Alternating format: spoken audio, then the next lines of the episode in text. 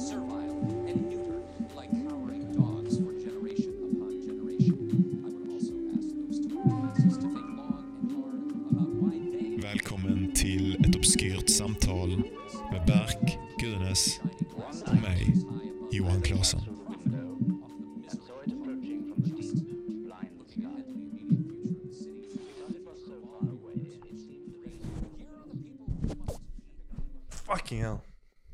Hej och välkomna till ett op- Det händer varje gång. Jag kan mitt inte, jag kan i inte säga det. introduktionen. Jag alltså. kan inte, bara, jag kan inte säga det.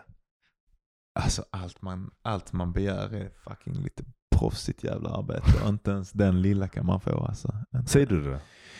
Eh, välkommen till ett obskyrt samtal. sa du helt jävla perfekt. Det är därför du är öppningsrösten till avsnittet. Gudagåvan. Eh, den här veckan pratar vi om eh, Halloween. Mhm. Eh, lite mani, Mhm. hur jag har eventuellt tagit bort mig på en fest, eh, lite skrivande, sen glider vi in och börjar prata om spöken i olika ingångar och sen eh, pratar vi om eh, kvantfysik och gud och eh, Precis. medvetande och eh, alla sådana spännande, roliga Det grejer finns som inget folk som mer lyssnar på oss. obskyrt samtal-avsnitt än det här Det avsnittet. här är faktiskt Det här ett obskyrt det- det- samtal, ja. avsnitt. Och Berk är väldigt glad. Han Ja, är helt nästan, lyrisk. nästan lyrisk. Men han beskriver också någon gång i avsnittet hur han är i en manisk period just nu. Så ta det, ta det med en nypa salt, men det är ett väldigt bra avsnitt. Ja. Eh, Eller vad vet jag? Ja, ja. Hej då. Lyssna Tack på för det. att ni lyssnar.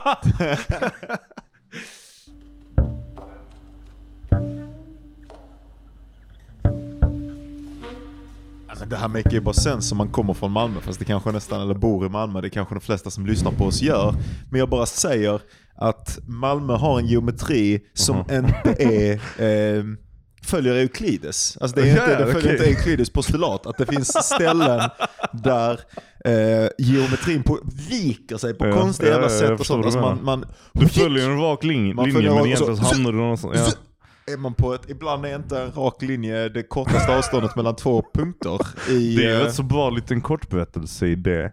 Om en man som upptäcker att en känd svensk stad inte har Euklidis geometri. påminner Eller lite följer. om, eh, har du läst den Aleffen Nej. av Borges? När han hittar någon konstig grej på en trappa typ eller någonting. Jag kommer Ja. inte riktigt ihåg hur den är, men det är också någon sån någon vikning i världen Ja. typ. Är det inte svårt med Borges? Det känns som att man läser honom så kommer man aldrig riktigt ihåg vad som händer i berättelserna. Kanske för att de är så jävla udda och... De är så jävla, och typ att om, man inte, om det inte klickar vad det är Ja. han skriver om Exakt. så klickar de, alltså så är det typ nästan som att man inte har läst en Nej, berättelse. men det är typ, jag läste ju halva hans samling typ. Och jag kan fan inte, ibland kan jag bara blanka helt och bara fan, vad har jag läst i 50, alltså säg en timme liksom? Jag har ingen aning.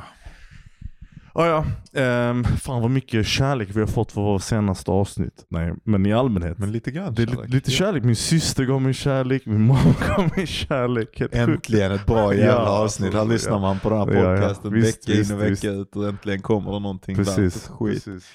Det är sant, det är sant. Jag tror jag vet hemligheten varför. Och det är för det är det här jammandet. Lite. Att man, man har ett ämne och sen så bara, så bara vibar man och rider den vågen lite. Är inte för fast med vad man vill, vad man vill eh, snacka om. Fattar du vad jag menar? Ja. inte det. Nej jag förstår vad du menar. Jag tycker jag förstår du menar. Det är nog sant. Jag tycker också, jag tycker också att det bara ska vara eh, vibes. Bara en, en, eh, en blandning mellan eh, gratis eh, psykiatri för dig Ja, och mig, eller psykologi. Exakt. Eh, där vi eh, mycket, två mycket inkompetenta samtalsterapeuter Ja. analyserar och jobbar med varandra. Med riktiga, riktigt Ehm, questionable utbildning också. Och, s- ja, i, i, man skulle nästan kunna säga ingen utbildning. Ingen- jag skulle nästan ja. kunna säga att mina utbildningar cancelar ut varandra. Ja men då har du helt rätt i. Så att det, ja. det är bra. Det är bra. du, ville, du ville prata om, om spöken Kolla han, nu spoilar du allting för grejen är herregud, så här, förlåt, jag inte följt skulle jag på. fråga dig hur din jävla halloween var kompis. Min smutsiga halloween. Du, vi, vi, du var ju bjuden på samma fest som mig Ja, och, jag valde och jag var ju där. ja. Och jag har ju tänkt mycket, var det därför Bark inte kom? det, det är lite det jag skulle komma till, Mm. jag ville prata om idag egentligen. Att, ja, det var väldigt tydligt för mig att när jag såg ditt namn på den listan så tänkte jag, nej det kan inte ske.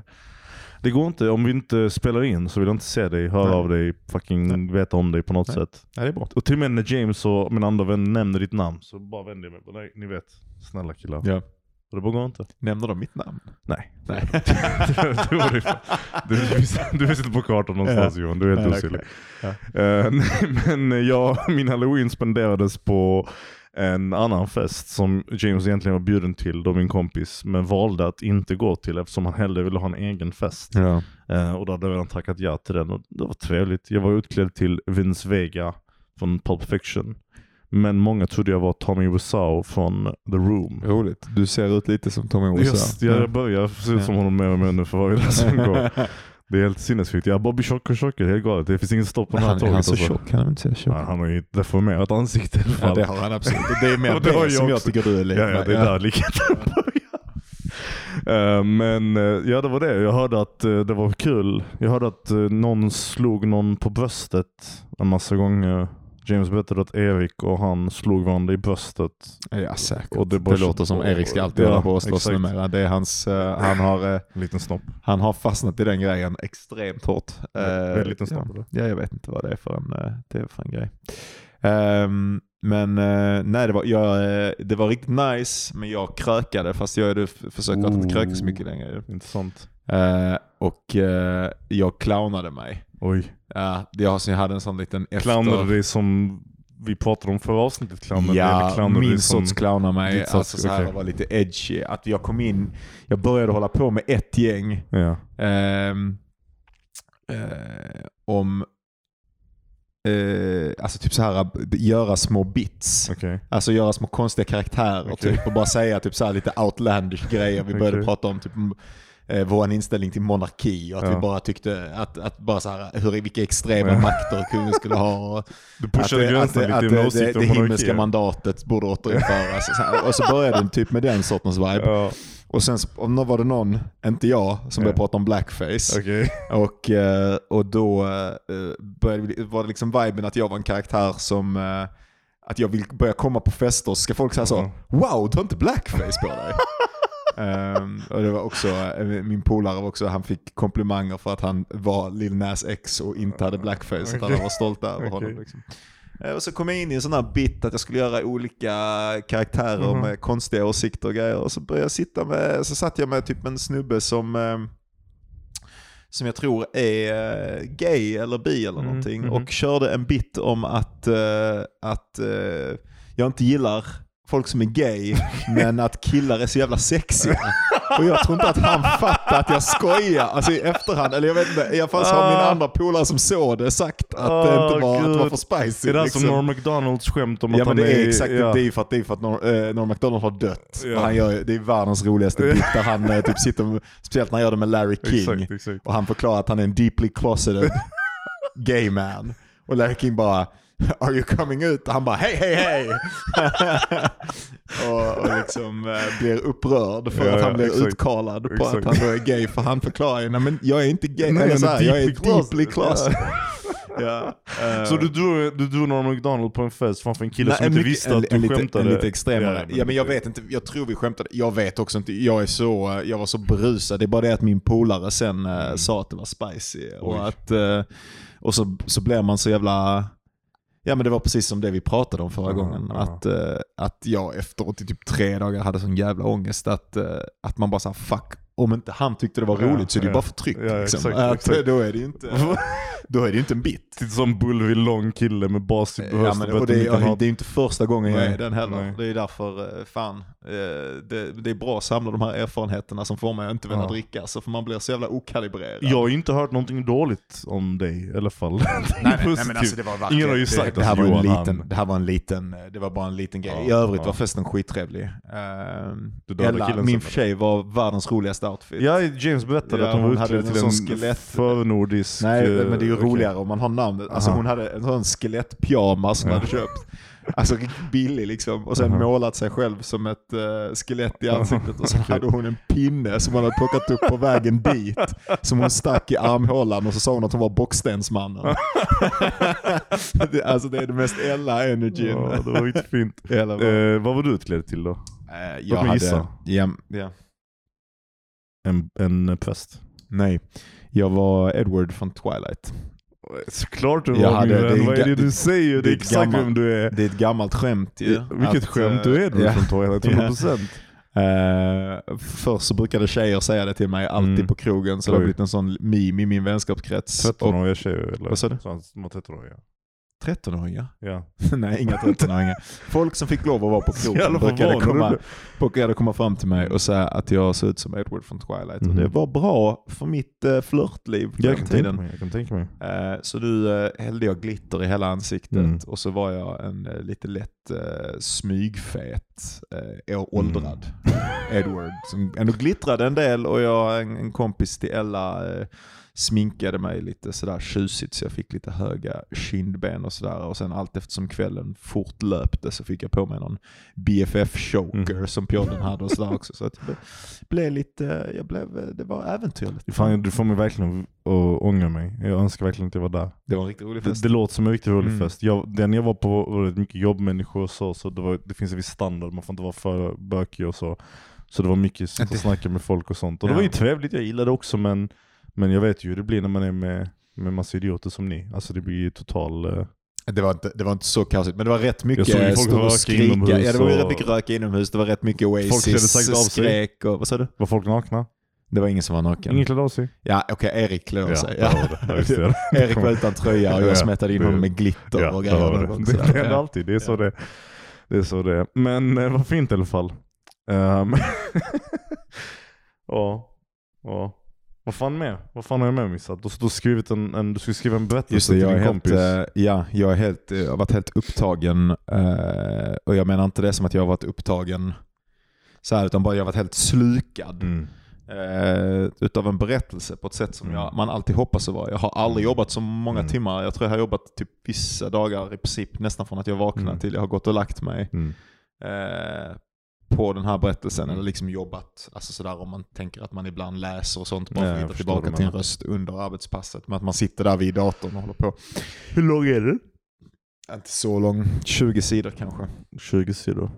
Ehm, men eh, jag har skrivit en kort berättelse till, eh, som, som ska vara till en födelsedagspresent till en kompis som fyllde år på halloween och den är nästan färdig nu.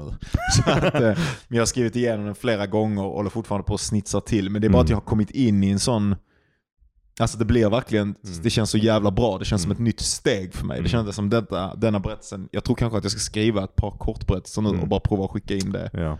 Eh, och bara se om jag kan få publicerad, alltså Mm. typ du vet en sån 100 sidors Mm. kortberättelsesamling med typ fem takes på contemporary På, skräck. på svenska liksom. då? På svenska. Kan du inte länka några sådana till mig också då? För jag är jätteintresserad av att skicka in någonting som, något sånt också, eller arbeta på någonting sånt. Men jag har funderat lite mer på engelska texter. Av de anledningar vi pratade om tidigare. Men att bara så här kunna... Men då får du ju jobba mot, eh, då det är det väl agenter liksom. Nej men det finns många publikationer, små texter och magasin och sånt som, som tar emot internationella submissions.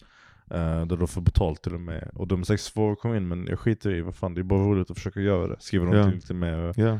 Liksom, ja whatever. Ja, jag känner också, jag kände nu när jag kände liksom att jag fick sitta och jobba, för här har jag verkligen jobbat med vissa typ så här klockverksgrejer och det har varit mycket mera att jag även har fått jobba på en övergripande nivå, att jag Mm. inte har bara förlorat mig själv i Mm. prosan eller viben av en Mm. scen som jag sen ändå aldrig använder därför att jag har förlorat mig så mycket i viben att jag har glömt att den ska kommunicera en Precis. handling också. Ja. Vilket är min tendens i, Ja. eh, alltså man kan ju hålla på och jobba på en scen eller på en grej i en och en halv månad Mm. och sen bara, men vad är det här? Ja, det här är inte ja. kopplat Det till någonting, det här är bara att ja. jag vill sitta och skriva om en konstig rökig cigarrbar precis, någonstans precis. och konstiga mystiska individer. Men det har ingenting att göra med någonting. Ja, jag fastnade Och det, är ju, det, det kanske är indikativt på att man är delvis åtminstone en kort berättelse, Mm. eller att man vill, i alla fall ha den outleten. Mm, Att istället mm. för att trycka in allting sånt i sin roman, Mm.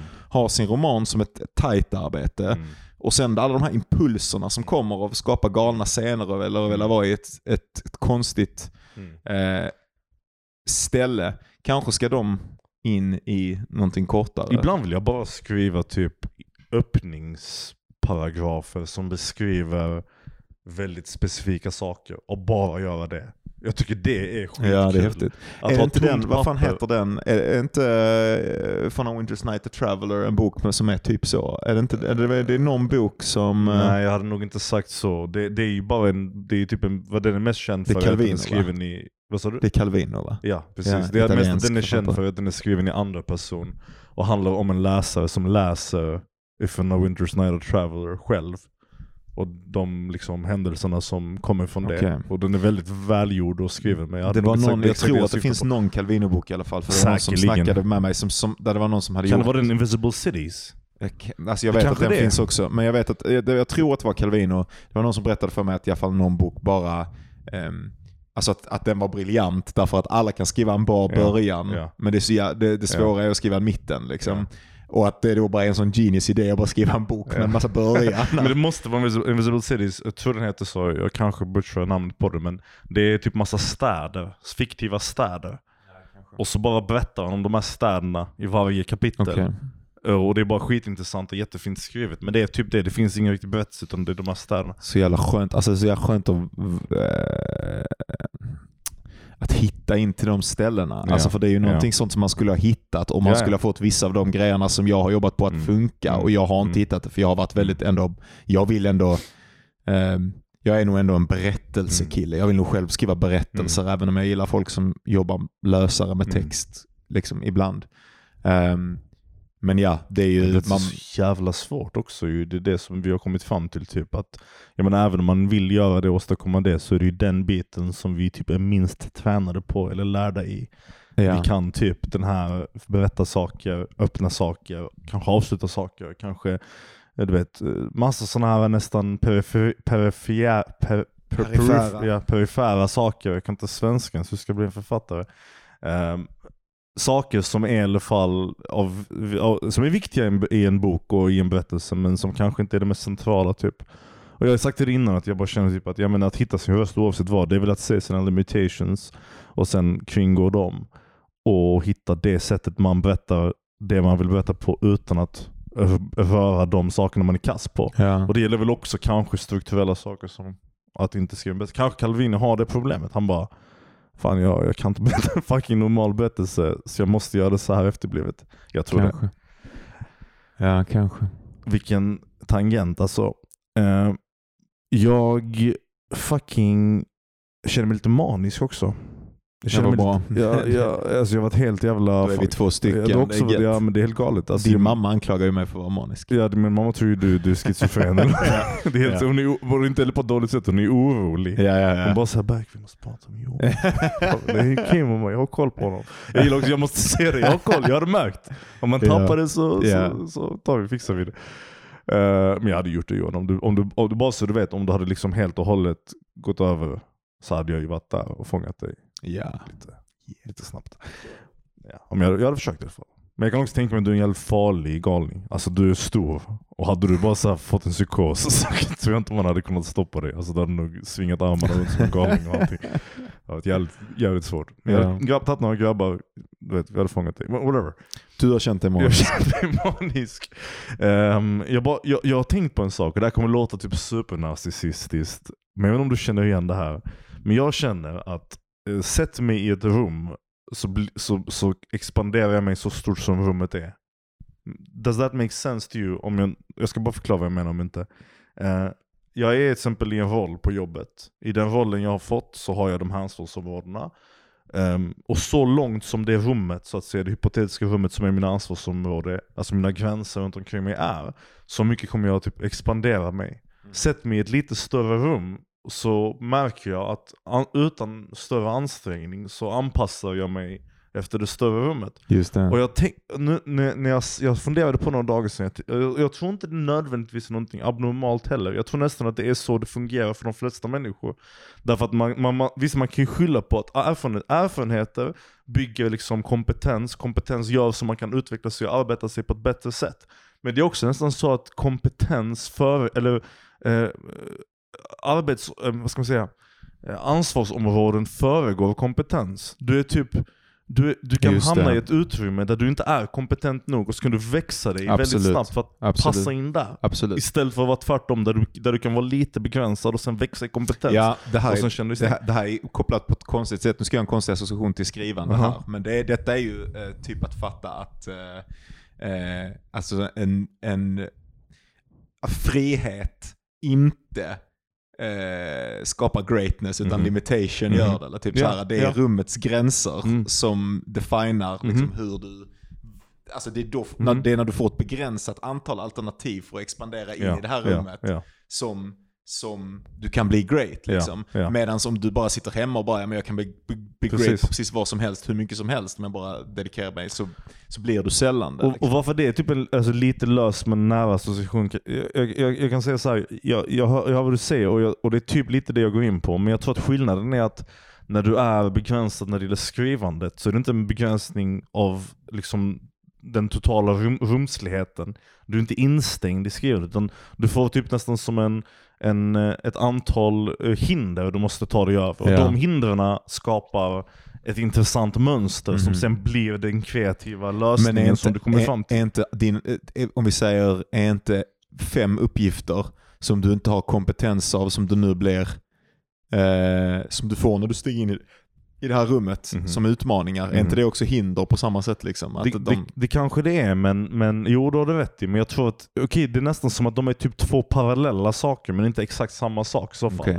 För, att när du, nej men jag, jag, för det är en jätteintressant observation och jag håller med dig. Och jag tror att det är applicable på det här också. Det vill säga att när du hamnar i det större, tänk dig det större rummet som en, alltså vad ska jag säga, typ en, en literal lägenhet. Du befinner dig i en liten lägenhet, du har möjligheten och kapaciteten att röra dig fram och tillbaka, göra vissa saker.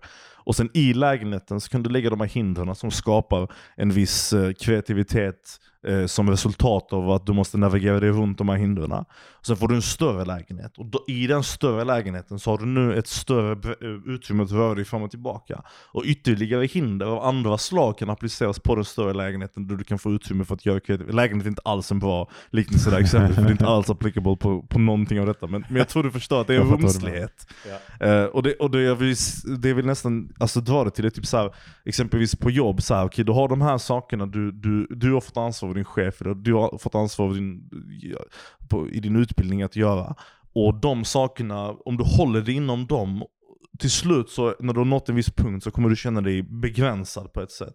Men du kommer känna att sakerna du gör är innan, in, inom ett, ett område, eller ett beteende, en beteendesfär som du kan nav navigera dig runt. Och vad jag menar är att, alltså, nu, nu vet jag inte om det är så för andra, för vissa andra människor kanske det är individuellt för olika. Men jag känner att Sätt mig i det större rummet, så, men med lika mycket ansträngning som jag hade i det lilla rummet så gör jag det större ansvarsområdena Ja. med samma effort utan en större Eh, utan att det stressar mig, utan att det känns som jag Mhm. gör större kliv. Man hade ju antagit att mer ansvar betyder mer arbete, betyder mer rörelse, betyder mer eh, saker att hålla koll på.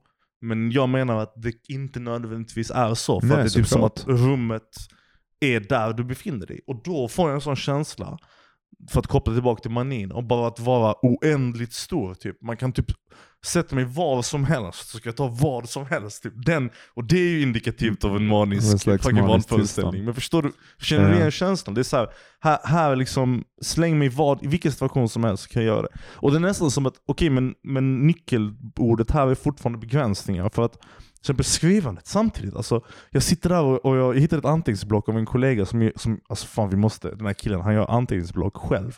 Med djurskinn och, och fucking fiskfjäll och, och ödeltunga och massa sjuka saker. Och så papyruspapper typ ser ut som helt självgjort, allting. Skitsnygga. Så jag fick en sån av honom.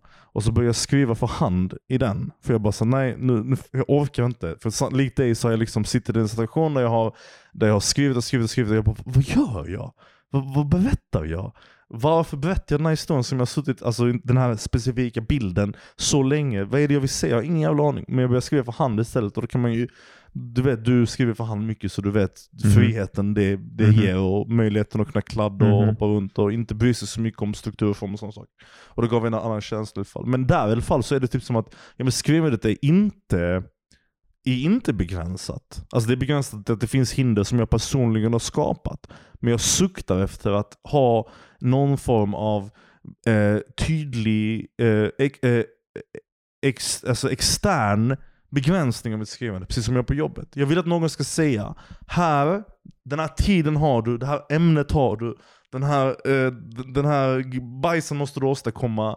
Här är ditt utrymme, här är din lägenhet, här är det stor, alltså rummet du får befinna dig i. Fucking gör det. Jag behöver det typ. Alltså jag, jag lär mig mer och mer att det är en, en nödvändighet för att kunna göra ett så stort arbete som fucking möjligt. För när det är för mycket och för stort också an, äh, begränsningslöst, eller gränslöst, så bara fucking slå det, slå det, vet du det? Sån grej. Ja, för man glömmer nästan att man, man vet inte vad det är man ska lösa. Så man bara flyter under Ja, på något konstigt, um, Det också, det är exakt i någon konstig vät. Men eh, så det är min typ av mani och det är bara så här, den, den, den härstammar från den idén av att man bara så här, säkerligen felaktigt fått för sig att man bara kan göra vad som helst. alltså, Men det är ju bra. Det är bara, jag tänker att mani blir det väl först när man liksom börjar göra helt bisarra grejer liksom, eller whatever. Eller jag vet inte ens.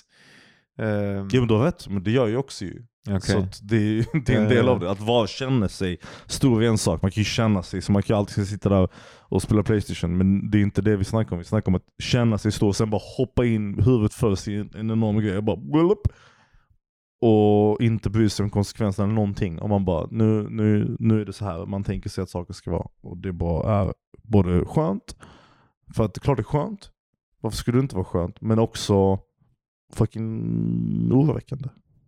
Det är vad jag vill komma fram till. man vet att man är i en fucking galen eh, stämning när Johan flyttar micken från sin mun bort och bara låter en snacka för att han har bara gett upp på möjligheten att få in ett ord. Helt sjukt. Micken här uppe.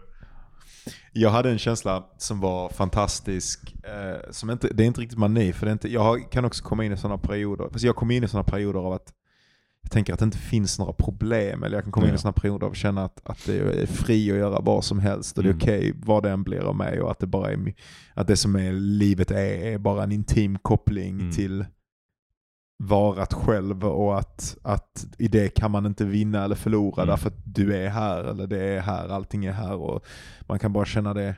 Det låter ju som lycka bara, typ ja. eufori. Typ, Ja, det är eufori. Och Jag kan komma in i sådana stadier och sen så slår jag över till ehm, att börja bry mig helt och hållet om materiella ting. Att jag är, är, är ehm, att det finns en del av mig som önskar att jag hade gjort någonting där jag kunde bli rik. Mm. Liksom, eller köpa coola grejer. Mm. Eller få ett jobb där jag reste mycket. Eller vad det nu än är. Ja, jag hör dig. Jag Ja, och, och så blir jag helt, helt, helt nedgången i det och, och fast jag liksom på någon slags, ehm, när jag berättar om för mig själv vad jag tänker att världen är så, så berättar jag ju en berättelse att Mm. sådana saker inte är viktiga men Mm. ändå är de viktiga på en djup nivå. Liksom. Mm. Det har vi pratat om i denna podden Mm. jättemånga gånger så det är inte, um, it's neither here nor there. Men jag hade en fantastisk känsla med den här som jag hoppas är, är också ett steg i mitt förhållande till mitt skrivande. Mm. Där jag med den här berättelsen som jag Mm. skrev nu tänkte så här, nu, nu ska jag ge den till han jag ska ge den till en present. Mhm. Och sen så ska jag ge den till, ut till i princip alla andra kompisar för jag tycker ändå att jag är ganska stolt över denna. Den Mm. är inte perfekt men den, jag, jag känner mig stolt över den på ett sätt som jag Mm, inte har mm. känt över, över någonting nice. som ett färdigt verk Mm, hittills. Eh, och jag ska, Och det är ett färdigt verk. det kommer att vara Oh, den shit. när den är. Ja. Det är det. Men alltså 20 sidor. Ja, ja men jag menar, den har, en, ja. den har ett ark, en och slut, berättelse. allting Herre symboler Jesus, som färdas Jesus fucking hela. Ja, Christ. visst. jag var Eh, som liksom... oh, jävlar.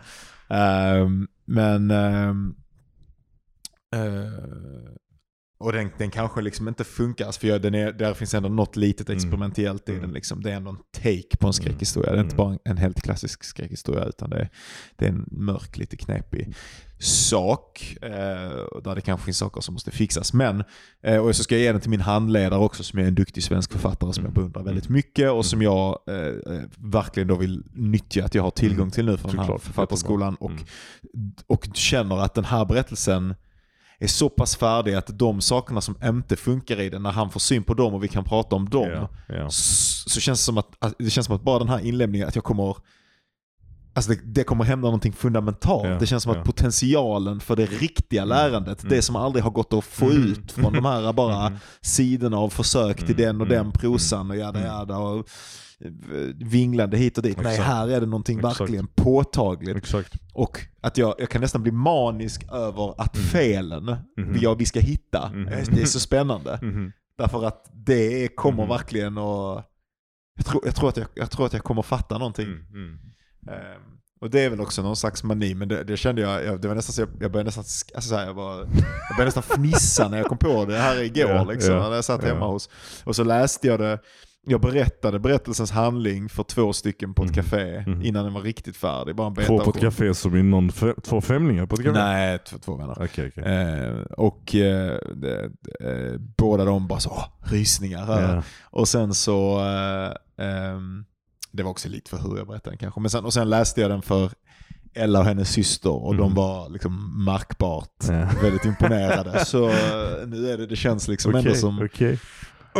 Okej. Ska du skicka den till din handledare innan du skickar den till din kompis? Eller vill du skicka dem samtidigt och sen Nej, jag bara tror- utveckla det? Jag, jag, tror att, jag tror att jag kommer fortsätta utveckla den efter att jag ger Mm. den till min Mm. kompis. Men jag vill väldigt gärna få ner den för nu, det, man kan inte vara hur sen som Nej, jag helst. fattar. Eh, och jag, jag, jag, har köpt, alltså jag har köttat så många timmar varje dag Ja, nu ja. i så många dagar Ja. och bara tänkt att men jag blir färdig ikväll, jag blir färdig ikväll. Mm. Och så blir jag inte det. Mm.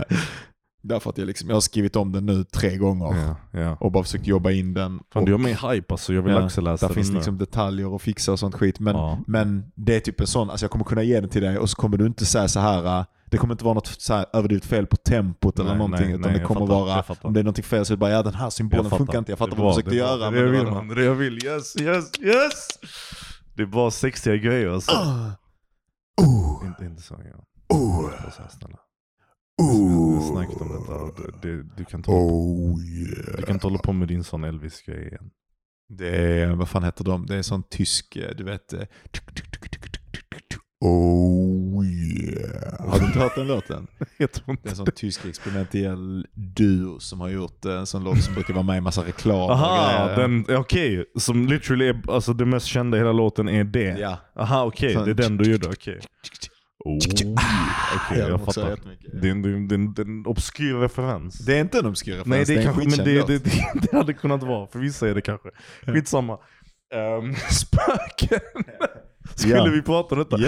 Jag, Ja. jag lyssnade på... Jag tänkte vi skulle bara smoothly eh, gå från Ja, men det här halloween var till den bästa spöken. Inte att vi- Ja, det var en riktigt bra tack. från din sida. Alltså, en konstnär är du. jag, jag, jag, jag är glad att jag lyckats med någonting i livet. Men jag, jag lyssnade på vägen hit på ett avsnitt, eller på TEDx Vancouver YouTube eh, liksom presentation om en tjej som som var en spökjägare för att jag ville hitta lite material att prata om. För jag märkt såklart Ja. att de avsnitten blir mycket bättre om man faktiskt tänker man på vad man ska prata om tanke, innan. ja. Men jag, jag, alltså det har ju inte hänt, jag har inte haft tid en enda gång att göra det. Men, så jag bara, nej men nu, du- vet nu gör jag det. Och så lyssnar jag på det här. Och vet, vet du vad TED, TEDx är för någonting först Ja. och främst? Te- TED Talks, jag vet alla. Det är liksom Ja. TED Talks. Det är, TEDx är typ att det är privata individer som ordnar det. suger, det är så jävla dåligt. Det var fruktansvärt. Det var någon sån här nervös jävla 32-åring som berättade en historia om hur hon hade eh, bott i en ny lägenhet någonstans. Eh, hon hade flyttat in med sina två hundar och så hade hon helt plötsligt en, en dag börjat känna att hon blev observerad och tittad på i den här lägenheten. right? Ja. Eh, och hon berättade historien om att hon, som att hon liksom fick den här, en sån här tryckande känsla på bröstet och hon, och hon kände sig dålig och rädd och som att hon var orolig över någonting och känslan blev värre och värre hela tiden. Hon gick runt till alla Ja. sina kompisar och frågade dem vad tror du det kan vara för någonting. Och såklart var ju nervös att erkänna att hon misstänkte att det var ett spöke. Ja. Eh, och till slut så kontaktade hon någon slags, något, något forum som bestod av en massa spökjägare som Ja. hon skrev det, av, fast som också var skeptiker. Så deras mål var att liksom, ehm, ja, ge vetenskapliga förklaringar till, till incidenter som potentiellt kan vara eh, paranormala. Ehm, och då var det någon som skrev såklart, och jag fattar inte vad du är dum huvudet som alltså vad är det för konstig värld vi lever i? Bara, har, du, har, du, har, har du funderat på om det kan vara kolmonoxidförgiftning? Vilket det, du vet, är en jättebra idé. Mhm. Det är, alltså jag har läst historier om folk som har ehm, så här, en kille berättade på någon jävla Reddit-tråd någon gång om att han hade vaknat upp till små post-it-lappar som någon hade skrivit och lämnat i hans vardagsrum och kök och sådana saker. Mhm. Och sen hade någon också sagt kan det vara kolmonoxidförgiftning. Och då hade det såklart visat sig att han hade nästan gått och blivit, alltså gått och mm, tagit livet av sig själv för att, utan att veta. Hade eh, jag blivit medvetslös om kvällarna eller någonting sånt under tiden han sov. Sen vaknat helt fucking ovetande om någonting och skrivit de här lapparna till sig själv. Och sen glömt bort det. Ah, fan. Ja, ja det är ju skitläskigt. Men hur som helst gick hon hem och så visade det sig att hon var kolmonoxidförgiftad. Och, och, och, det var, och hennes take på hela den här spökhistorien, analysen var bara såhär, man vet aldrig. Det finns alltid en vetenskaplig förklaring till alla spökhistorier. Och det var kanske den sämsta TED-föreläsningen jag någonsin lyssnat på. Helt meningslös. Lika meningslös som nu, nu- känner jag berättade det. Att det var så här, och, och sen? Det, ja. Ja, och man bara exakt visst. Och det var så jag kände, det var fan ett imponerande med att kunna återskapa den känslan så bra. Men det var exakt så det var. Jag körde bilen och jag bara, ja, okej. Var det allt du ville säga? ja. Ja det var kolmning och så hade de gått ut någon Det där är podcast och lite så. bitter med dåligt TEDx mitt i avsnittet. Ja men det, det är Ja. helt, det, det, jag var ju tvungen att berätta detta, det galet. Men, Ja. men hennes te, alltså du vet den här idén av att det skulle vara en vetenskaplig förklaring bakom alla spök. Jag är ju helt emot den tanken. Jag tror definitivt att det finns tydliga bevis Spöken. på spöken, Just det. andar, Ja. troll, Mhm. tomtar. Ja. Framförallt tomtar. Mhm. Små tomtar som går och gör saker. i- Just det. Ja. Som vill ha så alltså gröt med smör i, annars så bränner de ner laggården. eller Så är det, exakt. Det där är, det där är, det, det, ja precis. Och, och, och sådana saker. Och min fråga till dig, som den mannen som jag är som är så bra på segways är. Har du upplevt någonting övernaturligt någon gång Johan? Vet du, eh, jag har inte, jag är ju inte, alltså jag är ju inte riktigt, eh, för någon som är så flummig som mig så är jag Ja. inte flummig på det sättet. Nej. Jag tror inte på eh, på paranormalitet. Eller Mm, jag tycker mm. inte, för det skulle någonstans vara att eh, saker träder in i den fysiska verkligheten Mm. som inte är fysiskt liksom empiriskt förklarbara Mm. och sen påverkar den på någon vänster. Ehm, och det, det tycker jag att det har jag eh, aldrig sett och inte haft något belägg för. Men jag har en eh, jag, har en, eh, jag hade en sån period där jag bara såhär, men vad fan är detta för någonting? Och det var när, jag, när Belse var liten, min hund. När han var liten och vi bodde i en sån här gammal sekelskifteslägenhet i Budapest. Eh, och eh, den var liksom, den hade såna konstiga skrymslen och vrån lite här och där. Och där skuggorna samlades om natten och sen så var det något sånt här blekt ljus som silade in från utsidan och gjorde liksom konturerna mellan skuggorna och det här ljuset ännu tydligare. Eh, och så var det någon hög spegel också. så här. Och ibland om nätterna kunde jag och min dåvarande bara vakna av att Belse bara sitter inne i ett av de här hörnen och tittar upp. Okej. Alltså inte rakt fram ens, utan sitter och tittar upp rätt in i hörnet och bara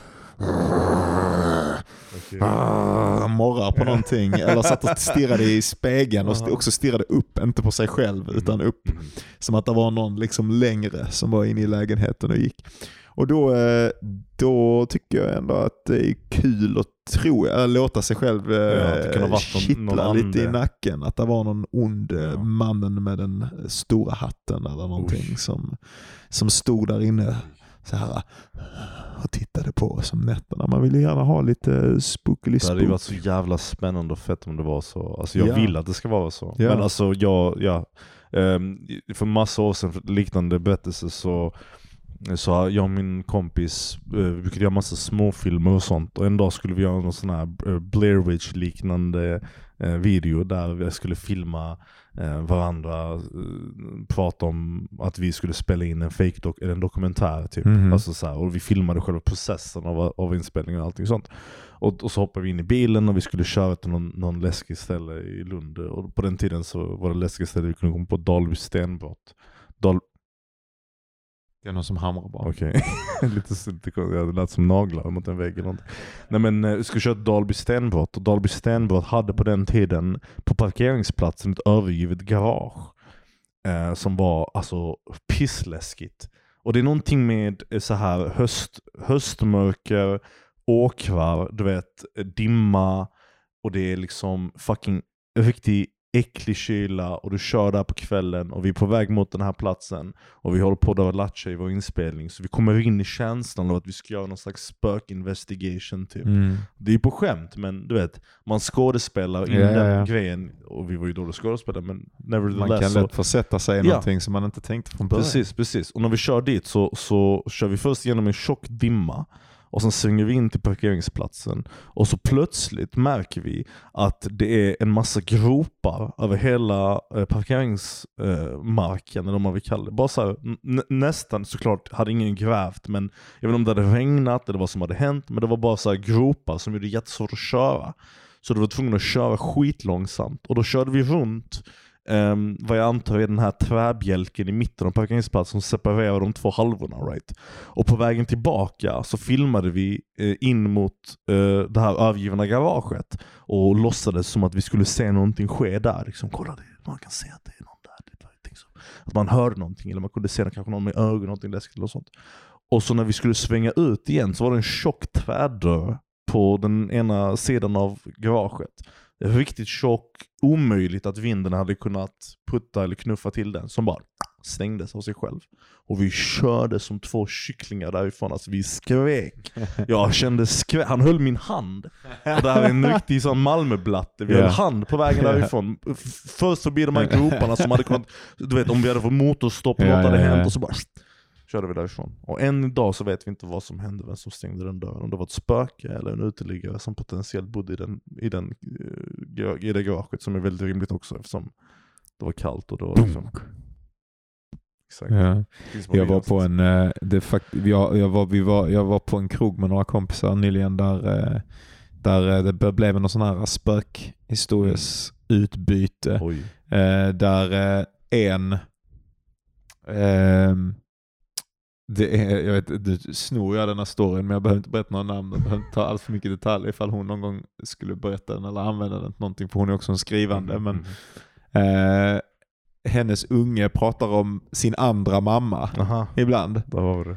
Eh, och sen så när hon, eh, när hon frågar grejer om den här jävla andra mamman så, Mhm. bara, så är det då att eh, han som har huvudet bak och fram. Men herregud.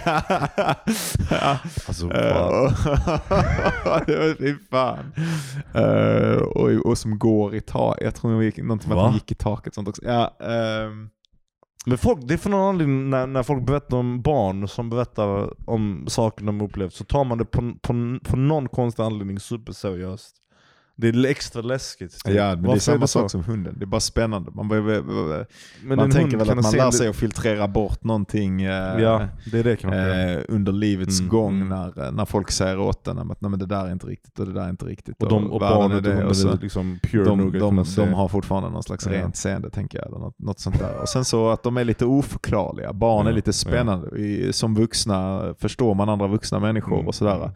Barn har fortfarande liksom kontakt med någon Mm. slags naiv värld som inte är så skolad. Mm. Ehm, och, och är lite själsligt lösa och då, då blir det intressant att Mm. de eh, att de när de verkar se sådana grejer och speciellt då när, när han säger sådana grejer. Mm. Jag tänker att det som är spännande i en sån grej när en barn säger men mamma har min andra mamma har ansiktet bak och fram. Mm. Att han är uppenbart inte rädd. Mm. Det, Ehm, det gör det ännu värre. ja, det gör det ännu värre, ja. Att han eh, helt så här, kan på, på Ja, gla- glatt och det, här, det är ju om- verkligen en sån symbol som används i en massa berättelser. Mm. Alltså typ så här, jag tänker på The Ring till exempel. Mm. eh, Om du har sett den amerikanska Mm. remaken. Mm. Där ritar han ju att han håller Mm. Samara Mm. i handen och sånt tror jag. Eller framför han ritar håret och liksom. sådär. Ja, precis. Och jag tror, det, jag tror det händer lite grann i Babadook. Mm. eh, har jag för Den mig också. faktiskt. Den är fantastisk. Mm. Den är faktiskt riktigt bra. Ehm, men eh, varför tror du att ehm, varför tror du att man, eh, man, att man gillar spöken? Vad är det som eh, vad, vad, är, vad är det de symboliserar? Vad är det, vad är det som, Den här, varför tycker du de är spännande? den här TEDx-tjejen hade en förklaring för det. Ja. Hon sa att det var för att, man, att de är nästan som stopppunkter mellan det som man kan förklara men som inte riktigt har tillräckligt mycket bevis. Eller någonting sånt. Alltså God of the Gaps Precis, eh, exakt. grej. Så när du inte har förståelsen så liksom lägger du till, ja men det måste vara det här. Och, och trots hennes dåliga TED-talk så tror jag att det ligger någonting i det ändå.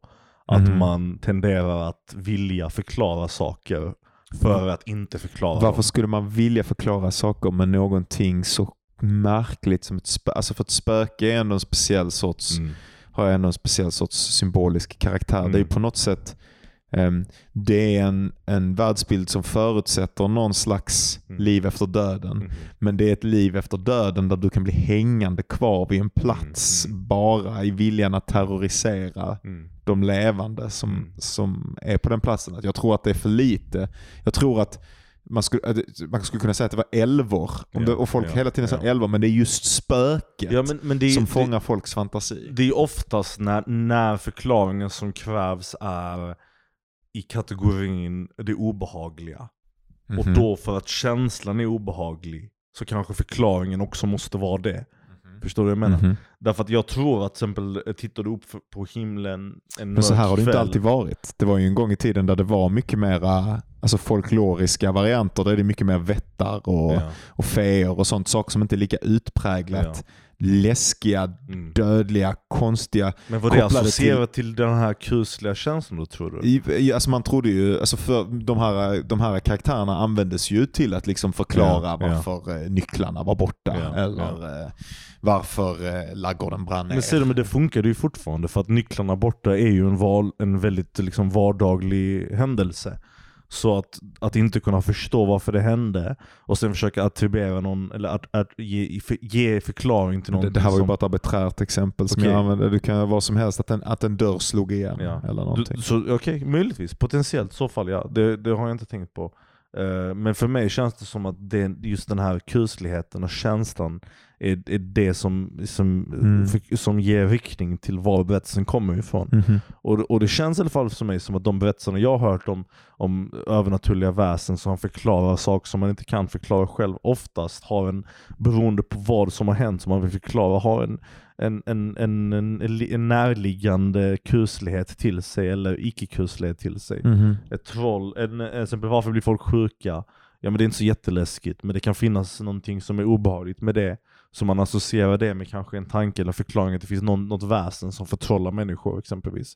Men en förklaring till varför saker försvinner i hemmet kanske inte är så jätteläskigt. Så det kan ju vara busiga tomtar typ som har stulit en bok eller Men det är ju sällan någon som håller på med det längre. Utan numera så är det ju bara spöken. Ja. Liksom. På något sätt är det ju spöken Ja, det, är inte- som fångar vår tid. det, är, det, där har du någonting jävligt intressant faktiskt. Och, Och spöket, Mm. och då jag tänker att det är... men tror du inte det är bara för att... Förlåt? Jag, tänker att, jag, jag, jag inbillar mig att det har någonting att göra med att vi är en tid som är besatt av ånger. Ja, ja. Och att hemsökelsen, ehm, att vi är en tid som är så präglad av att man kan leva sitt Mm. liv fel eller Mm. man, kan, man kan svika varandra, folk skiljer sig, folk, har, Mm. folk har större möjlighet och frihet i livet vilket Mm. också resulterar i att de ehm, att berättelser om, om, om och, och, och berättelser om moralisk tveksamhet eller rent av moraliska brott och sånt sprids till en högre grad. Mm. Eh, så, att, så, att, så att den här saken, den här eh, ångern eh, och, och, och, och, och, och någon slags känsla av att det finns en, en, en utbredd Mm. ilska mot världen Mm. permeerar liksom på något sätt, tror jag, i hela samhällets underjord. Så att, så att anledningen att det här spöket växer upp, det är liksom som en, en manifestation Mm. för de som blev Mm. felade eller Mm. de som vill hämnas Mm. så mycket att de Mm. inte ens kan att de Det är en inte kan jätteintressant observation. Det är nästan som att det är typ nutidens zeitgeist och den reflekteras i våra historier om det som vi inte kan förklara. Någonting gör ju att vi har släppt Ja. allt det folkloriska men Ja. att spöket, spöket hänger kvar. Eh, till och med, alltså, så, för, för, att, för att spöket rör sig oftast i alla fall i en helt annan dimension än Mm. alienen till Mm, exempel. mm. För att till alienen där har du fortfarande på något sätt någon slags inbildning om Ja, en fysisk ja. verklighet som håller. Eh, men ofta, Men eh, spöket är ju verkligen det, är den, den, den ir, irreligiösa supernaturlighetens Mm. precis, enda Precis. ankare och det är väldigt utbrett. Ja. Liksom. Det, det, det där du säger påminner mig lite om en observation jag läst om någon gång tidigare som handlar om ehm, vad för typer av eh, hallucinationer folk med sömnparalys har upplevt genom Just det. historien. Det här vill jag jättegärna höra för det, Och- jag har varit besatt av sömnparalys mycket. Ja, och, och då har man liksom observerat att beroende på vad som är eh, popkulturellt intressant, typ. Och det är inte alltid det är applicable på alla tidsåldrar, för att det fanns inte alltid popkultur. Men det fanns ändå kanske en tro eller en norm som man hade som, som, som, som grund i sin världsbild. Right? Men vad det nu än är som man har som grund, var oftast det man hallucinerade under sömnparalyspass. Så exempelvis en gång i tiden så var det mycket religiösa bilder. Det var en ängel som kom ner från himlen. Och ljus och vackra saker. Men det har också varit, när, till exempel under Roswell-manin, eller vad vi kallar det med, med utomjordingar i USA, så Mm. var det jättevanligt att sömnparalyspatienter observerade eh, aliens som kom ner Ja. och plockade upp dem. Och sen Mm. har det nu blivit spöken, som du sa själv. Att Mm. man ser monster, man ser spöken, sådana saker som, som, som kommer fram på den tiden. Och det är ju ett jättebra exempel på eh, lite på det du beskriver, är det inte? Exakt samma typ av sak som, som finns i liksom det undermedvetna. Jo. Och det som är normen av vår omgivning manifesterar sig i de sakerna vi tycker är som läskigast. det är, på något, ja, det är på något sätt också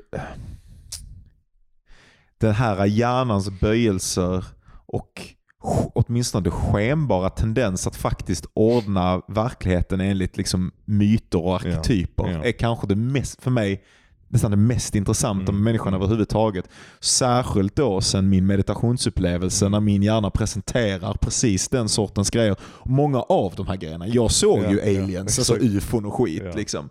Eh, och, och, sen, änglar och sen också, änglar och, Mm. och grejer. Så att, så att de här sakerna måste, och jag tror ju på ehm, jag tror inte nödvändigtvis på detta som, som, som någonting fysiskt. Mhm. Liksom, utan min tendens att tro på det är ju som, alltså precis som så här att det, det har på något sätt att koppla med Mm. någonting i zeitgeisten. Men det är väldigt det är underliga grejer för mig i zeitgeisten, speciellt den sortens ufo, så flygande tefat och skit som jag så, alltså jag tänker ju aldrig på det. Nej, det är inte en del nej. av mitt liv. Varför? Men det är nästan som att den här meditationsupplevelsen, du bläddrar förbi liksom alla typer Ja, av möjliga liksom, arketyper som kan vara manifestationer Ja. av undermedvetna. Och varför söker sig hjärnan till de här liksom mystiska Ja, kategorierna nej, men- och sen gör, ja, skapar fullgoda visuella Ja. representationer utav Mm, det vid mm. vissa tillstånd. Alltså det är ju fan så fruktansvärt intressant. Ja, jag har ingen jävla aning om jag ska vara med dig. Jag kan inte Va, säga. va, va, va, hur kan det bli så att hjärnan skapar aliens som Mm. abduktaren i ett sömnparalystillstånd till exempel? Nej, en visuell ja, ja, och, rätt. och kanske sensorisk upplevelse. Mm. Alltså, som har någon sorts logik Mm. till sig. Och det hade ju verkligen min, alltså det, det händer ju saker, det kommer in från sidan, Mm. de skjuter ner en, de Mm. sköt ner en laser i huvudet på mig, det flög ut liksom. Det fanns ju någon slags, det, fanns, det, det, det, det, är ju någonting filmiskt, någonting konstruerat, Ja, ja. någonting, ja, Det är konstigt, men det, det, här med just... Sekventiellt. Mm, mm. Eh, jag har tidigare pratat om, om mina badkars eh, meditationspass, eller vad man ska kalla det för någonting. Mina sensory deprivation pass. Och eh, en av de sista gångerna jag, jag var i badkaret, och när jag var liten eller yngre och ha- hade mina, mina liksom hallucinationer, vad vi kallar det, så hade jag en stor föreställning om att någon Eh, du vet känslan att ligga i tält fast tänk dig att du ligger jättenära nylontaket. Mm. Eh, den känslan och att bakom tältet på andra sidan så var det ett ansikte av något slag som berättade en historia om två väsen som hade en gång varit en och sen delats i mitten. Och varje och de var liksom i konstant eh, flux med och mot varandra. Och, och liksom eh, väldigt så nästan som en spänd sexuell relation med varandra och ville tillbaka och bli ett igen men kunde inte för de hade liksom separerat sig från Mhm. den här idévärlden och sen har blivit Mhm. manifestationer i verkligheten. Och det var typ, eh, en av dem var vi människor och den andra var typ något annat. Jag kommer riktigt ihåg. Men poängen är i alla fall att flera gånger ända sedan den upplevelsen, och jag tyckte den upplevelsen var jättevärdefull och stark då, så har jag sett liknande och hört liknande historier Mhm. återkomma Mhm. i andra berättelser. Mhm. Det här det väsnet som var en som delades upp i två, Mhm. som inte kan hitta tillbaka. Mhm. Du vet, att det finns någon slags dualitet mellan det som, som är i vår, som liksom, jag gillar ordet permeera, för du sa det innan, men som permeerar vår verklighet och som, eh, som gör så att vi är som vi är, eller whatever. Här sakerna i alla fall tyder i alla fall på en arketypisk bild av något, något slag som man har liksom har, eh, som hjärnan har, har skapat i ett sånt här tillstånd. Eh, det är konstigt, en konstig association till vad du sa, men jag tror ändå det makes sense. Ja, för att, nej, fattar. Visst, det är som att i det tillståndet av att vara helt jävla borta så typ skapar man de här konstiga... Eh, ka- eh, jag kan ibland känna, alltså jag kan ibland, eh, eh, alltså typ så här, jag, jag har haft sådana upplevelser, ofta, ofta även då när jag har hållit på med, när jag var yngre med, med psykedelik, psykedelika, liksom, att man, man kan nästan man kan nästan få ett metaperspektiv på det som Mm. händer som gör att Mm. man typ ser en slags matematisk Mhm. logik som ligger bakom. Alltså typ så här att man kan tänka här att en som blir två, det är på något sätt Mm. ett skapande utav den reella nummerlinjen som representeras genom någon slags eh, antropomorfiserade figurer. Mm. Och på grund liksom, av det så människa. validerar det Ja. lite din, alltså bilden eller tänker du så? Att det liksom ger en, en verk, alltså en mer... För mig, jag vet inte, alltså, om jag tänker, men det, det är snarare så här att jag... ehm, eller... Jag tror att berättelser tenderar att följa mönster därför att, eh, därför att våra hjärnor är konstruerade, eller våra, så som våra hjärnor konstruerar verkligheten följer ett ganska specifikt regelverk och därför eh, och, och, och, det vi kallar mytologiskt är bara typ det regelverkets sätt att förhålla sig till koncept eh, medan eh, med antropomorfiserandet, alltså människogörandet som sin metod. Så hur eh, mänskliggör du subjekts-objektsdistinktionen till exempel? Ja men du säger att det skapas dig och en den andra. Och, det, och såklart så finns det någonting fundamentalt strävande efter samhörighet, tillhörighet, förenande Precis. på något sätt i oss. Och en till exempel tänkbar förklaring skulle vara det att den, den här behovet efter förenande, det är ett bra sätt att organisera en flock på. Att om alla i flocken har ett behov av att inte känna sig som helt enskilda individer utan som, som delar av en större helhet så tenderar de också att agera tillsammans. Ehm, men sen i, i upplevelsevärlden så blir det ju på något sätt större än så. Precis. Och för mig så blir det ju så pass stort att det övergår alla Ja, sådana biologiska ja, förklaringar. ja, Att, att, eh, att, att universum överhuvudtaget genom sina egna principer kunde alstra ett medvetande som sökte sin enighet i den saken som alstrade den. Mm. Mm. Det är ju världen som tittar Mm. tillbaka på Mm. världen som tittar Precis. tillbaka på världen. Det är svindel. Det är det häftigaste Ja, som ja finns. klart. Det är, det är helt sinnes. Men, men ehm, hela den här, det är intressant det du säger med den här biologiska förklaringen för att återgå till det en aning. Och hur det kan informera det här, det här, den här, det, här det, du, det du precis sa. För länge sedan så pluggade jag en liten kurs eh, evolutionspsykologi. Och jag hade någon slags manisk jobbig period, whatever, där jag råpluggade den här, de här alltså jag fucking kan allt. Så jag, läste, jag kommer ihåg vartenda ord liksom. För att jag hade så panik över att det var min första universitetsupplevelse. Och vi har pratat om det tidigare men jag fick någon sån här ångestreaktion där jag trodde att jag var tvungen att kunna allting. Så det liksom präglats in i mitt huvud. Då. En av sakerna vi pratade om var um, Eh, en eh, förklaring till varför vi har eh, matematiskt tänkande exempelvis. Och det här låter lite irrelevant till vad du precis sa, men jag ska, jag ska försöka förklara och återkomma till det, för jag tror det är relevant. Men eh, förklaringen var i alla fall att det, det, det finns ingen liksom, biologisk evolutionär förklaring nödvändigtvis till varför vi måste kunna, eller har utvecklat förmågan att kunna eh, beräkna eh, matematik egentligen. Alltså rent evolutionärt och överlevnadsmässigt. Så visst det finns eh, fördelar med att kunna räkna hur mycket mat du har eller whatever på dina fem fingrar. Men komplicerat, komplicerad avancerad matematik, algebra, eh, saker som går i högre nivåer än du vet, årskurs 1 till 5 liksom, är inte nödvändigtvis eh, förklaring, förklaringsbara. Och en av de här teorierna som hade liksom utvecklats för att försöka förstå sig på varför det var så här, det var en idé av att det, precis som de flesta saker visade sig inom evolutionär psykologi, så finns det, så, så, så började det med, med, med, eh, med eh, vad fan heter det? Ehm, altruism. Um, idén av att du, man börjar så här, man tänker så här, varför vill människor hjälpa andra människor överhuvudtaget? Varför finns det behovet av att hjälpa andra människor? Det är altruism. Um, och så märker man att det finns en, ett större behov av att hjälpa människor i en social eh, miljö där du är besläktad med människorna du hjälper. Så man börjar beräkna med att okej, det finns en sannolikhet, du kan beräkna en literal matematisk sannolikhet på att det är större chans att du hjälper människor som är nära besläktade med dig. Och då kommer det fram en idé, men hur vet du om du, om du, har, eh, om du är nära besläktad med någon? Är det utseende? Okej, kanske. Men hur vet du själv hur du ser ut? När du tittade, fanns det speglar på den tiden du kunde kolla på och förstå dig på ditt eget ansikte och din kropp och veta hur du egentligen ser ut. Kanske inte. Men kanske, kanske reflektioner, kanske det var berättelsen, kanske det var hur nära du är andra människor. Om du umgås med människor som, be, be, som är nära dig så är sannolikheten att du ska bli släkt med dem större. Och därför kan du liksom beräkna, din hjärna kan förstå att människorna runt dig troligtvis är din släkt och därför är det större chans att du hjälper dem. Och detta bekräftades med eh, så här getingar som man länge hade inte haft någon riktigt ordentlig förklaring på varför de hjälpte varandra. De hjälpte hellre sina kusiner än de hjälpte sina släktingar. Tills flera hundra år senare man kunde göra genetiska test. Släktingar, alltså... Förlåt, förlåt. Med sina, sina syskon Okej, ja. kontra sina kusiner. Så de Just det, valde det hellre att hjälpa sina kusiner än Det sina här är nog syskon. med i The Selfish Gene va? Ja, det exakt. det? Ja, Richard Dawkins nämnde det Ja. säkerligen. Och, och det var en av böckerna vi skulle läsa också, men jag läste nog inte den faktiskt när jag tänkte på det. Men, ehm, och då visade det sig när man gjorde sekvensering av DNA på de här eh, jävla bina, att de var när- närmare besläktade med sina kusiner än sina släktingar på grund av hur Sina syskon. sina fucking syskon, tack jag kan inte svenska, är helt galen. Exakt, tack för att du rättade mig. Det är säkert skitförvirrande att lyssna på det just nu, men whatever.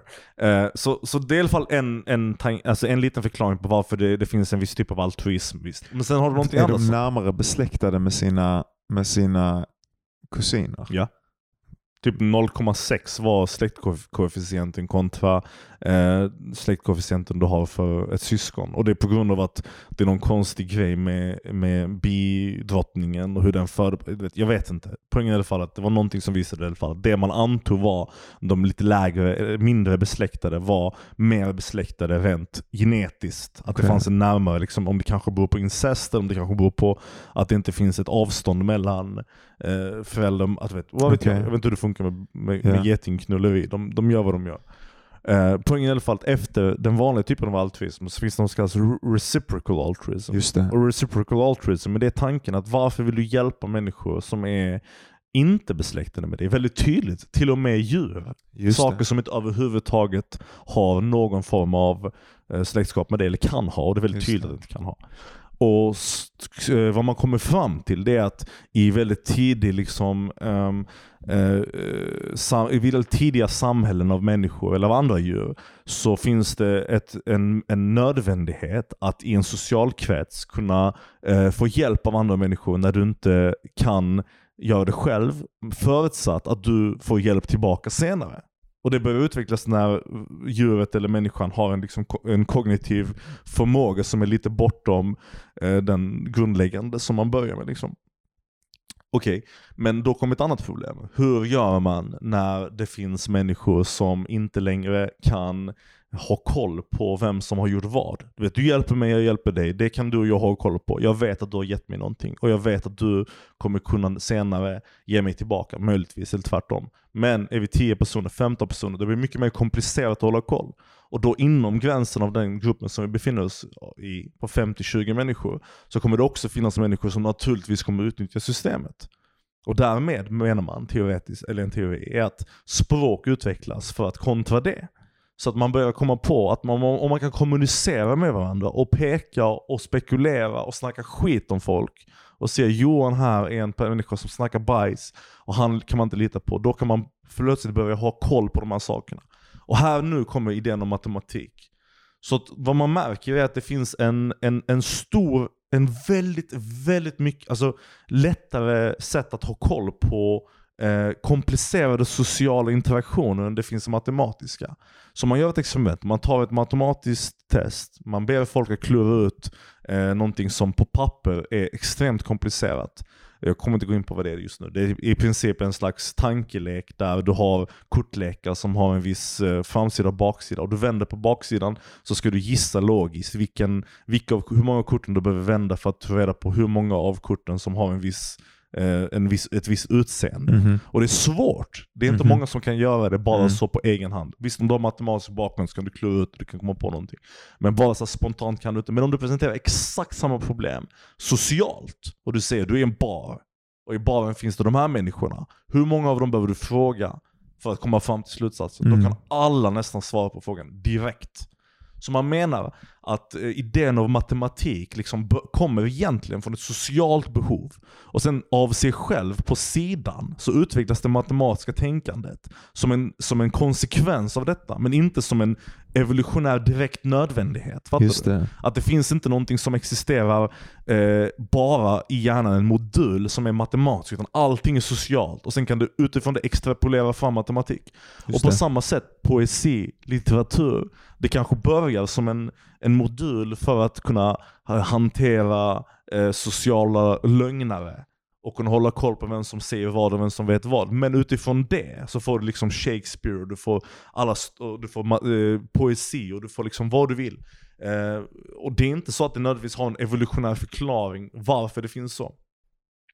Och jag tror att de här, eh, de här modellerna, de här arketypiska modellerna, du pratar om hur det, hur det är nästan som att de har en logisk följd till sig i huvudet. För mig känns det lite, det låter lite som en av de här eh, eh, eh, extrapolerade eh, modulerna, fattar du? Det finns ett behov av att förklara världen på ett, ett visst sätt. Och på Mhm. grund av att det finns en modul att förklara världen på ett visst sätt så finns det också mönster i hjärnan och tankespiraler som, som följer en viss struktur. Och de Mm. strukturerna har också kapaciteten att fyllas med annat som kan ha betydelse till sig. Mhm.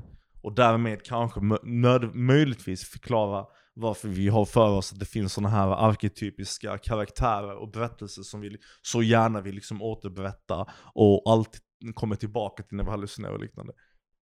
Fuck vilken lång sidogrej, förlåt. Jag bara babblade och babblade, men det var lite intressant. Det var intressant. Okej.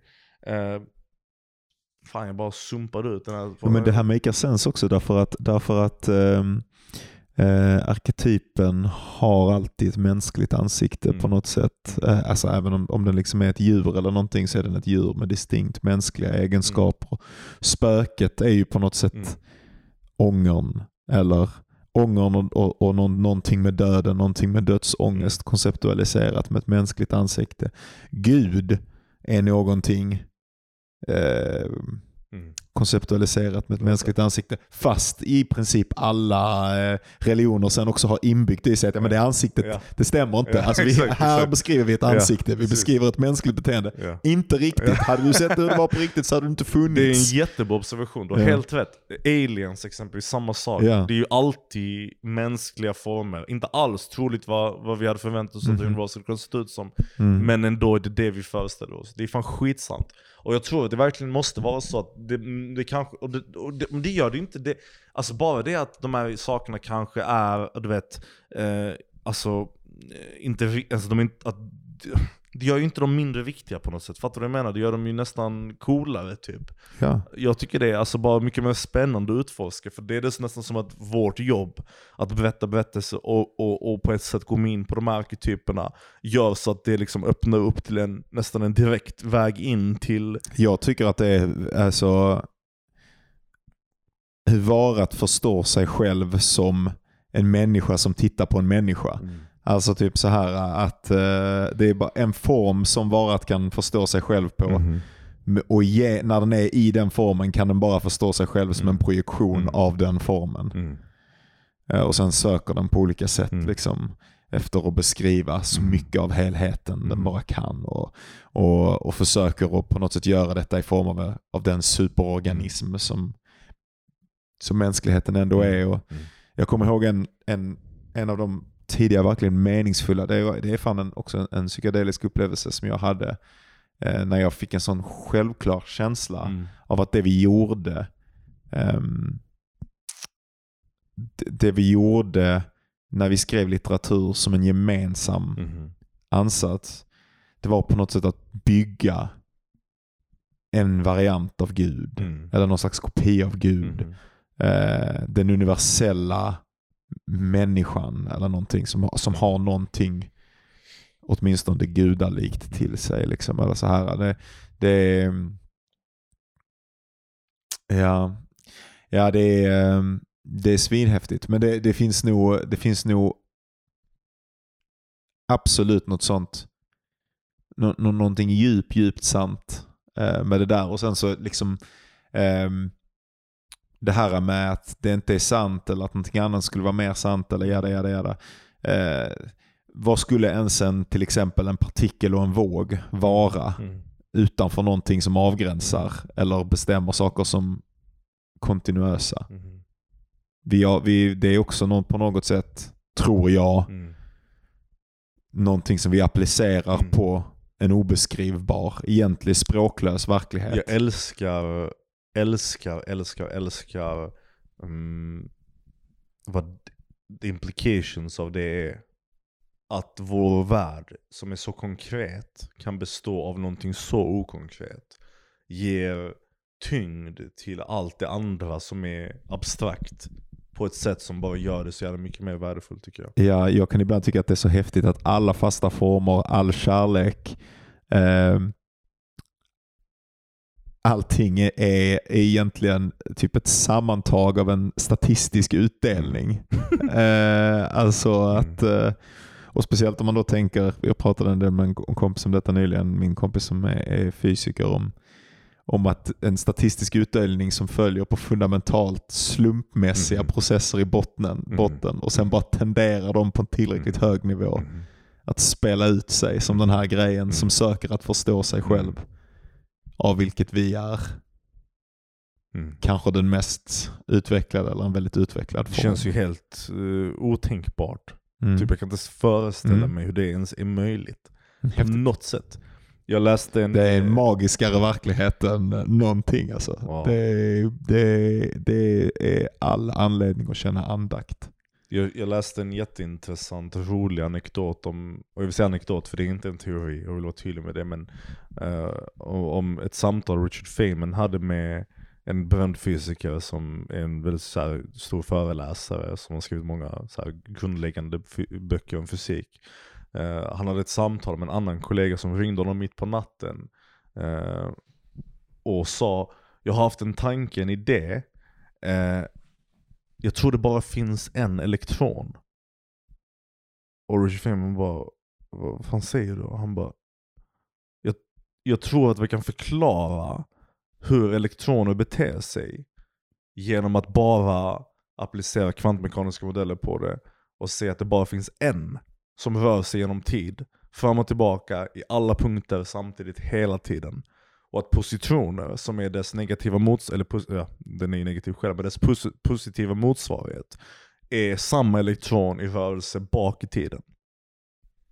Och den idén är så fucking cool och rolig. Och det är som sagt ingen teori, och det är inte någonting som har någon vetenskaplig grund till sig. Det går inte att bekräfta eller falsifiera på något sätt tror jag, med de instrumenten vi har idag. Men bara tanken att universum kan vara så fucking udda och konstigt. Att det kan finnas en vilse elektron som bara hoppar genom världshistorien, universums historia, fram och tillbaka och existerar överallt hela tiden samtidigt. Jag bara älskar det. Jag hoppas det är sant, jag vill att det ska vara sant. Det är nästan som att temat vi pratar om idag inte är spökhistoria utan saker man önskar fanns eller inte fanns. Eller eh, förklaringsmodeller av verkligheten. Eller så här, jag vet inte, men det, det, vi tangerar på många intressanta saker som känns främmande och, och orelaterade men ändå det finns någon röd tråd i detta ämnet. Liksom. Jag, jag, jag älskar att all denna eventuella sanning och osanning och alla berättelser om de här grejerna och antropomorf antropomorfiseringen eller inte antropomorfiseringen. Allting ryms inom ramarna av en enda grej som är den enda grejen som är.